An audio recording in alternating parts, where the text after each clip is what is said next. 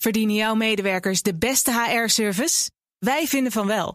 Numbers combineert payroll met slimme HR-features. Bespaar kosten en geef medewerkers eenvoudig toegang tot verlof, declaraties en loonstroken. Probeer Numbers op nmbrs.nl. BNR Nieuwsradio. De nieuwe wereld. Annette van Soest. Steeds meer Nederlanders geven aan minder vlees te eten. Ruim een derde van de 18-plussers heeft geminderd. Door vlees op sommige dagen helemaal van het menu te schrappen of door kleinere porties te eten. Toch daalt de totale vleesconsumptie nauwelijks. Hoe kan dat? En hoe kunnen we het veranderen? En ja, Je moet ook wel met z'n allen een leuk leven blijven hebben. maar kan dat niet net zo goed met plantaardige ossehaasjes als dierlijke? Kortom, wat als we nooit meer een dier hoeven te doden voor vlees? We gaan het hebben over het eten van vlees. En ik hoor het sommige luisteraars denken: gaan we weer? Blijf van mijn gehaktbal af. Nou, mooi dat je nog steeds luistert. Ik hoop dat je ook het einde van deze aflevering gaat halen. Nou ja, dus vanuit dat strategic ignorant perspectief eh, verlies je misschien wat luisteraars, om het zo te zeggen.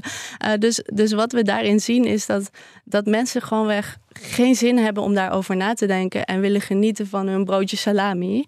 Ehm, terwijl ze het ergens wel weten en voelen, uh, maar dat gewoonweg complex en ingewikkeld vinden, uh, totdat ze een strategie hebben gevonden die dat gevoel oplost. Strategische onwetendheid. Ook ik maak me daar schuldig aan. Je hoort hier Marleen Onwezen, onderzoeker consumentengedrag aan de Wageningen Universiteit. Ze doet onderzoek naar waarom wij als consumenten wel of juist niet voor een vegetarisch dieet kiezen. Ja, wat opvalt is dat mensen eigenlijk over het algemeen proberen het, het dier al los te koppelen van vlees. Dus mensen zijn heel erg goed in het bedenken van strategieën om vlees te blijven eten. We noemen dat de vleesparadox. Dus dat mensen aan de ene kant van vlees houden en aan de andere kant ook van dieren houden. En uh, mensen zijn daar heel erg goed in. Dus die strategieën, bijvoorbeeld het loskoppelen, het negeren van issues die er zijn. Of bijvoorbeeld ook uh, minder pijn toekennen aan dieren of ze uh, minder waarde geven. dus het zijn allemaal strategieën en dat is wel intrigerend als onderzoeker. Maar geeft ook aan dat er een grote groep van de mensen eigenlijk meer waarde hecht aan dieren en toch vlees blijft eten. Ja, jij noemt dat, of de wetenschap noemt dat ook strategic ignorance. Wat doe je met die kennis? Wat kunnen we daarmee? Ja, dus strategic ignorance is één van die strategieën die mensen kunnen toepassen. Dus op dat moment geven mensen eigenlijk wel om dieren. Maar op het moment van aankoop, als ze door de supermarkt lopen, ja, besluiten ze om de andere kant op te kijken en gewoon dat speklapje in het mandje te gooien. En wat we hebben gedaan is geprobeerd om op het moment van de beslissingen te kijken of we het aan kunnen zetten. Of we het eigenlijk te moeilijk kunnen maken om te negeren. En we hebben een experiment gedaan in een dierentuin. En daar hebben we eigenlijk een heel simpel design aangehouden. We hebben mensen gevraagd: uh, wat vind jij eigenlijk van dierenwelzijn? Niks moreels, niks, jij moet iets. Of, maar wat of vind jij mag iets niet. Ja, ja, want dan schieten mensen in de weerstand. En we zagen dat de verkoop van vegetarische burgers echt verdubbelde. In die dierentuin? In die dierentuin. Heb je dit wel eens in een supermarkt geprobeerd? Uh, we hebben het niet in de supermarkt geprobeerd. We hebben het wel online nagebootst om te kijken van... zorgt die dierentuin voor iets extra's? Omdat je eigenlijk al de hele dag een beetje gepruimd wordt van... oh, die zielige dieren die in, uh, in, de, in de hokjes zitten. Um, dat effect vinden we niet, zeg maar. Dus we vinden een, een net zo sterk effect in een ziekenhuiscontext... Uh, dus het lijkt dat het op meerdere contexten toegepast zou kunnen worden. En wellicht ook in een supermarkt. Want hoe zou je het daar dan kunnen toepassen? Je gaat niet daar iemand neerzetten bij uh, de vleesafdeling die vraagt: wat vind je, hou je van dieren? Nou ja, ofwel? Nou, in, in de dierentuin hadden we eigenlijk domweg twee posters opgehangen. Dus er stond een hele grote flyer aan het begin met uh, wat vind jij eigenlijk van dierenwelzijn? En uh, naast de menukeuzes. Uh, dus, dus je zou zulke soort posters ook kunnen ophangen in de, in de supermarkt. Maar je, je kunt ook nadenken over bijvoorbeeld pop-ups bij het schap of het koppelen aan labeling dat je op dat moment dat je de labeling gebruikt om de markt transparanter te maken, ook meteen die waarde activeert. Dus er zijn wel manieren om dat eigenlijk op een hele simpele manier door te voeren. Ja, je zegt we wilden vooral niet moreel oordelen, maar doe je dat niet toch? Als je zo'n poster ophangt naast een schap. Is um, toch niet betuttelend?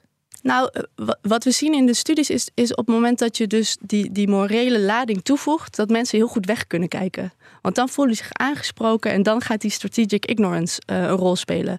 En op het moment dat je gewoon de eigen waarde aanspreekt, gaat dat mechanisme niet aan, aan de slag. En Ehm, op dat moment activeer je dus eigenlijk de burgerrol van de consument in plaats van de consumentenrol die ze in de supermarkt aanhouden. Ik las laatst een artikel in de Volkskrant en daarin werd de flexitariër-paradox omschreven. De helft van de Nederlanders zegt dat ze minder vlees eten, maar de vleesconsumptie is eigenlijk stabiel. Hoe kan dat? Ja, dus dit zien we op, op verschillende levels, lagen in de, in de samenleving. Dus we zien dat, dat eigenlijk mensen meer open lijken te gaan staan voor vegetarische diëten. Uh, ook bijvoorbeeld meer open gaan staan voor zeewier.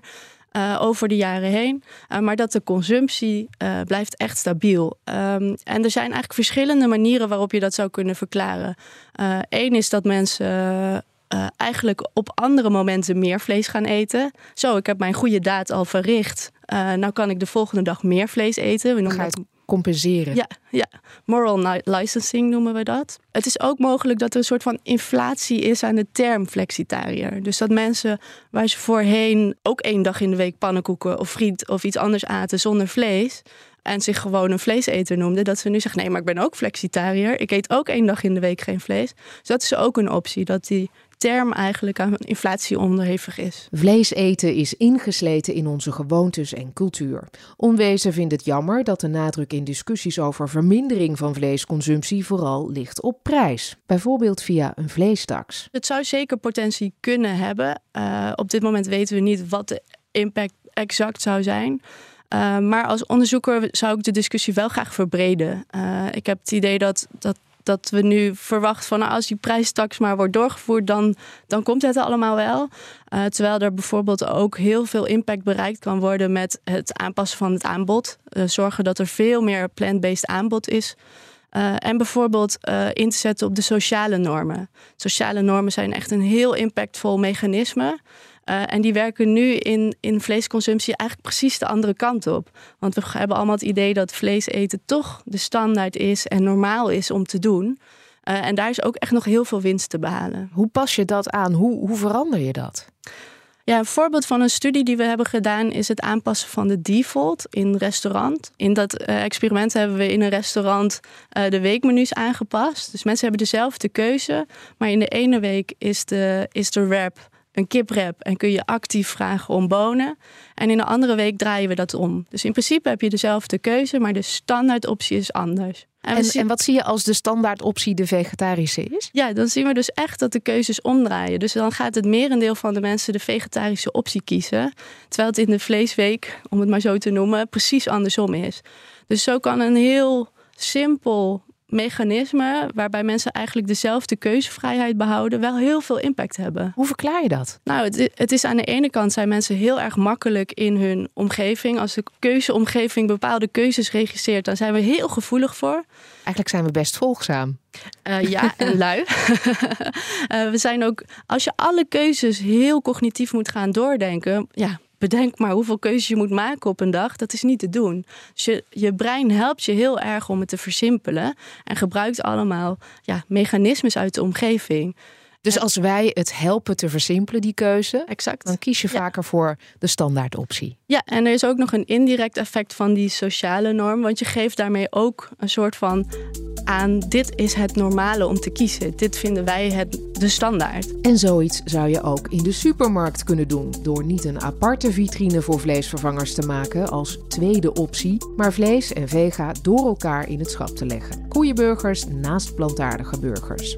Veel vleesvervangers lijken nog niet op de real deal. Ik heb afgesproken bij een start-up uit Amersfoort die daar verandering in wil brengen. Uh, nou, hier zijn we eigenlijk in onze ontwikkelkeuken. Wat wij hier doen is, we brengen eigenlijk, uh, we uh, zoeken naar een, de juiste combinatie van plantaardige eiwitten met natuurlijke smaakstoffen, kleurstoffen, kruiden en specerijen om ja, lekkere producten te maken die de juiste sappigheid, de juiste textuur, um, het juiste mondgevoel hebben, net als vlees, vis of gevogelte. En dat ontwikkelen we hier eigenlijk op een, op een kleine schaal in onze ontwikkelkeuken. Hallo, ik ben uh, Birgit Dekkers en ik ben een van de oprichters van Rival Foods. Nou, waar we eigenlijk altijd mee beginnen is, we maken een mengsel van, uh, van plantaardige eiwitten. Dat zijn eigenlijk in principe um, gem oh, gemalen planten. Hij is bijna leeg, is de pot. Leeg. Er is veel ontwikkeld de afgelopen dagen. Um, dus dat is eigenlijk een, een, een gemalen poedertje van, van planten. Dus denk aan soja of erten, tarwe in dit geval. Nou, die mengen we met uh, natuurlijke smaakstoffen, kleurstoffen, kruiden, specerijen om een, uh, een basismix uh, te maken. dat, dat mengen we met water eigenlijk inderdaad in een ja, vrij eenvoudige keukenmixer zou je kunnen zeggen, die bij veel mensen thuis ook op het aanrecht staat. En vervolgens uh, dan komen we bij onze uh, unieke productieproces wat we gebruiken um, in onze, uh, ja, wat we eenvoudig zouden kunnen zeggen, een snelkookpan met een roterend deel. En dat is deze? Dat is deze. Dus in principe hier de, het mengsel in. En eigenlijk het enige wat we dan doen is we verwarmen dit geheel. net als dat je aan het koken bent. En uh, we roteren. Nou, door die rotatie tijdens het verwarmen zorg je ervoor dat plantaardige eiwitten in een bepaalde richting komen te liggen. Nou, dan koelen we het geheel af. En wat je dan daaruit kan halen is een product met echt een vezelachtige textuur. Die lijkt op de textuur van vlees of, of vis. Pannetje op het vuur. Nou ja, de inductie. We zitten inductie, in, uh, in, een heel duurzaam gebouw wat niet meer uh, aangesloten is op gas. En ik uh, gooi zoals in de normale bereiding van een, in dit geval kippenborstfilet, ook even wat, wat olie in de pan. En dan ga ik het product bakken. En ik krijg nu product 306 te eten. Dat is inderdaad een type marinade die we in dit geval uh, getest hebben op, uh, op onze plantaardige kippenborstfilet. Dus in dit geval hebben we de kip even gemarineerd, hè, zoals je dat vaak ook, uh, ook thuis doet in, in de bereiding. En ehm, in dit geval krijg je een Greek Passion marinade op je kippenborstfilet. Greek Passion, wauw. Greek Passion. Hoe vaak sta je hier nou kippenborstfiletjes te bakken? Uh, nou, toevallig de afgelopen week ontzettend vaak. Uh, we hebben op de horeca, Horecava-beurs gestaan. Dus uh, de grootste beurs in Nederland voor de horeca. En eh, daar hebben we heel wat, wat kippenborstfiletjes gebakken. En heel veel positieve feedback eigenlijk gehad op, op het product. En ehm, ik merk ook dat, dat steeds meer mensen bezig zijn met de problemen die in onze maatschappij leven. Dus duurzaamheid, gezondheid, dierenwelzijn. En dat mensen eigenlijk er steeds meer voor openstaan eigenlijk om te kijken naar plantaardige alternatieven. Dus dat is heel positief, denk ik. En als het dan ook gewoon ontzettend lekker is, ik denk dat dat het belangrijkste is. Het moet ontzettend lekker zijn. Je moet niet voelen dat je een compromis sluit. Je moet gewoon genieten van je, van je eten en dat moet gezond, lekker en duurzaam zijn. Zo. Je noemde het de hele tijd het product. Heb je er al een naam voor? Uh, dat is een hele goede vraag. Nou, wat, wij spreken dus veel met, met chefs, met food professionals. En we merken steeds meer dat zij heel graag uh, zelf hun eigen ding met onze producten willen doen. Mag ik het ook dit noemen? Mag ik het ook dat noemen? Um, waar wij uh, ja, super trots op zouden worden, is als in ieder restaurant eigenlijk de menukaart zowel dierlijk als plantaardig zou kunnen. En dat er precies dezelfde, uh, dezelfde menus eigenlijk zijn. Dezelfde gerechten? Dezelfde gerechten, inderdaad. Uh, zowel dierlijk als plantaardig. Zodat ja, een consument echt kan kiezen voor wat zij, hij of zij lekker vinden. En daarin zelf een keuze kan maken of het nou van een dier komt of van een plant. Jullie zijn nu bezig met opschalen. Hebben jullie al klanten? We hebben inderdaad al eerste klanten. Dus we verwachten eerste producten in, uh, in juli, augustus uh, in de eerste restaurants in Amsterdam te hebben, hebben liggen en te kunnen serveren. Ja. En in 2024, 2025 eerste producten in de supermarkten neer te kunnen leggen.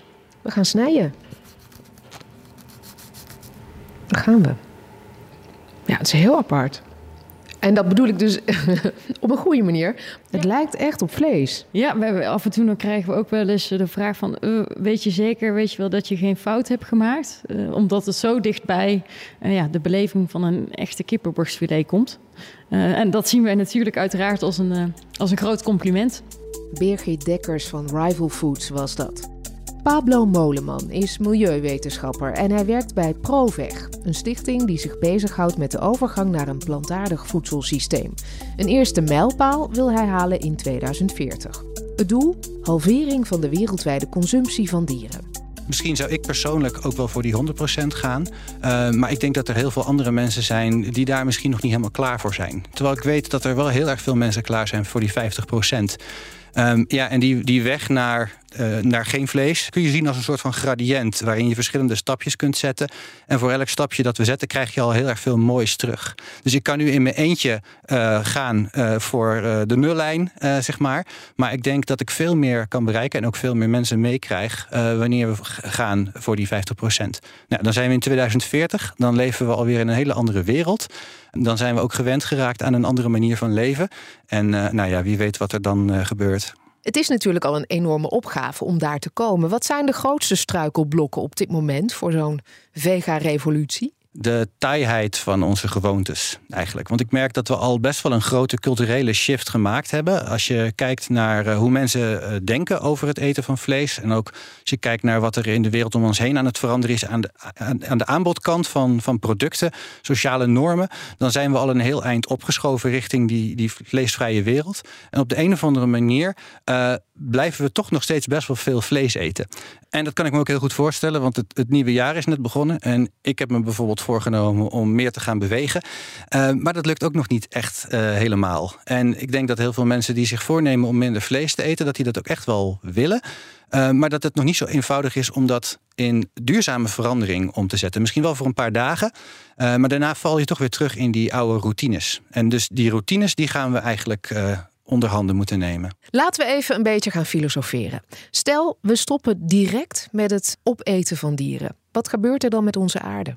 Dat zou echt wel een aardverschuiving uh, betekenen. Of misschien kan ik beter zeggen een landverschuiving. Want we krijgen opeens een enorme hoeveelheid land uh, terug. die we tot nu toe uh, gebruikt hebben voor het, het, het verbouwen van voer, met name voor dieren.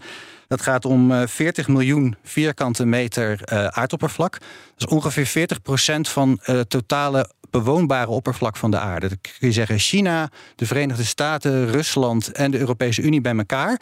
Zouden we opeens iets anders mee kunnen gaan doen dan dat we tot nu toe hebben gedaan, namelijk uh, vee op laten grazen of, of veevoer verbouwen. Ja, maar we zullen daar dan ander eten op moeten verbouwen. Plantaardige eiwitten die wij dan in plaats van vlees gaan eten. Inderdaad, dat klopt. Maar daarvoor hebben we maar een fractie nodig van de hoeveelheid land die we nu gebruiken voor het produceren van veevoer en voor begrazing. Omdat het een veel efficiëntere manier van produceren is. Dus ja, er is een, een klein stukje dat we gaan omschakelen. En maar een heel groot ander deel, dat komt dan vrij. En ja, dat betekent enorm veel ook voor de biodiversiteit. Omdat er opeens veel meer ruimte ontstaat voor natuur. Ja, of voor huizen. Of voor huizen, ja. Maar je gaat bij niet vertellen dat we dat allemaal vol kunnen bouwen. Het is dus ook niet per se de, de bouw van steden die de grootste bedreiging vormt uh, voor uh, de natuurlijke habitats van dieren. Dat is echt uh, de veehouderij. Nou goed, wat, wat, we met dat land kunnen gaan doen, dat is voor voor een andere aflevering. um, jullie hebben dus die missie, halvering van de vleesconsumptie 2040. Maar hoe gaan jullie die behalen? Op welke manier helpen jullie daaraan mee? Eigenlijk hebben we daar twee hoofdlijnen in die we daarbij volgen. Eén uh, is uh, consumptieverandering. Uh, dat is een traject waar eigenlijk iedereen eh, deel van is. Eh, jij en ik, um, om persoonlijk minder vlees te eten. En dat proberen we makkelijker te maken, juist door in te spelen op die gewoontes. Op eigenlijk op die drempels die het voor mensen moeilijker maken om te doen wat ze eigenlijk wel willen. Want we gaan niemand dwingen. We gaan ervan uit dat een meerderheid van de mensen, dat weten we ook uit onderzoek, heel veel mensen willen dit, maar het lukt nog niet echt. En wat we dan bijvoorbeeld hebben is een app, die heet de Challenge.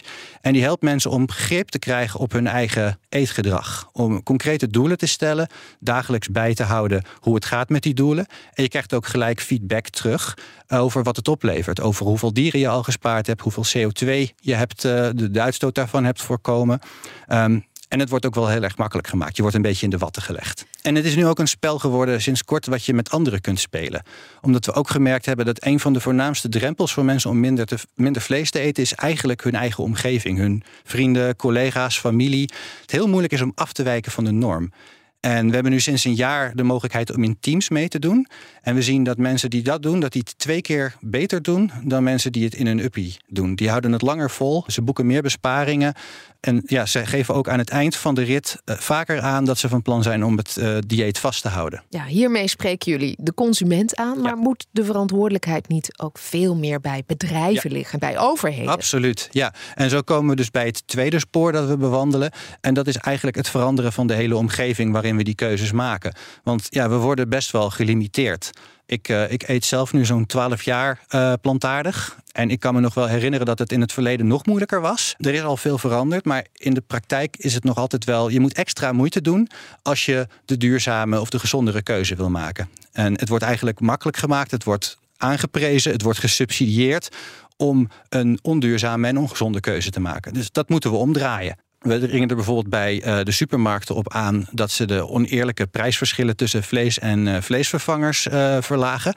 dat gaat al de goede kant op. Dat wordt, moet ik heel eerlijk zeggen, ook wel geholpen door de inflatie op dit moment. waardoor nu in veel gevallen, niet alle, de vleesvervanger opeens de betaalbaardere optie is geworden. Dus dat is wel, ja, dat is wel een, een stille revolutie die zich de afgelopen jaren heeft afgespeeld. Um, maar prijs is niet alles. Uh, het gaat er ook om wat zet je neer als norm, wat promoot je, wat zet je in de, in de bonusfolder, zeg maar. Dat zijn allemaal dingen waar supermarkten uh, stappen in kunnen zetten om de, de plantaardige optie de meest aantrekkelijke te maken. Wanneer uh, is jouw missie geslaagd? Ik hoop toch stiekem het moment nog wel mee te maken. Dat het laatste slachthuis zijn deuren sluit. En uh, dat we daar een uh, mooi museum van, uh, van kunnen maken. ik weet niet of dat gaat gebeuren, maar ik geloof wel dat het een keer gaat gebeuren. We leven natuurlijk in een hele rijke, ontwikkelde wereld met tal van mogelijkheden. En ik denk dat we langzaamaan tot het besef komen dat we het eigenlijk niet meer nodig hebben om dieren te doden voor, ons, voor onszelf, voor ons voedsel. Ja, hoe denkt sociaal psycholoog Marleen Onwezen van de Wageningen Universiteit daar eigenlijk over? Over een wereld waarin we helemaal geen vlees meer eten. Ja, dus de vraag is of dat de uiteindelijke doelstelling en ambitie is. Daar zijn de meningen in de wetenschap echt over verdeeld. En uh, wat we bijvoorbeeld ook zien in, in modelschattingen, is, is dat het ook heel duurzaam kan zijn om, om dierlijke eiwitten in het dieet te behouden. Omdat ze een groot onderdeel vormen van het hele ecosysteem. En bijvoorbeeld reststromen kunnen consumeren die wij als mensen niet kunnen consumeren. En je daarmee zeg maar, als systeem een veel duurzamere oplossing kan hebben. Dus ja, de grote vraag is, is wat is eigenlijk de ambitie daarin en wat is eigenlijk de meest duurzame oplossing? En misschien hoort daar wel een beetje dierlijke eiwitten bij. Zoals ik het voor me zie, zouden we vlees dan niet als essentieel onderdeel van elke maaltijd zien, maar veel meer als een luxegoed, uh, waarbij we ook op een duurzame, diervriendelijke manier omgaan met de dieren in de, in de productie. Um, en, en ja, eigenlijk het vlees ook veel meer waarderen uh, voor wat het is. Wordt vlees geen eliteproduct dan?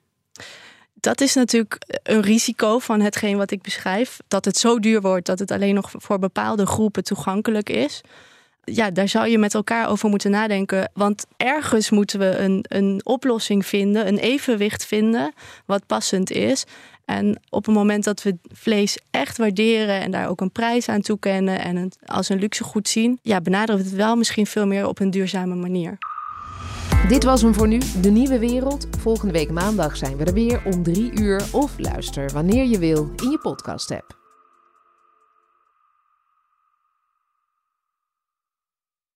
Verdienen jouw medewerkers de beste HR-service? Wij vinden van wel. Numbers combineert payroll met slimme HR-features Bespaar kosten en geef medewerkers eenvoudig toegang tot verlof, declaraties en loonstroken. Probeer Numbers op nmbrs.nl.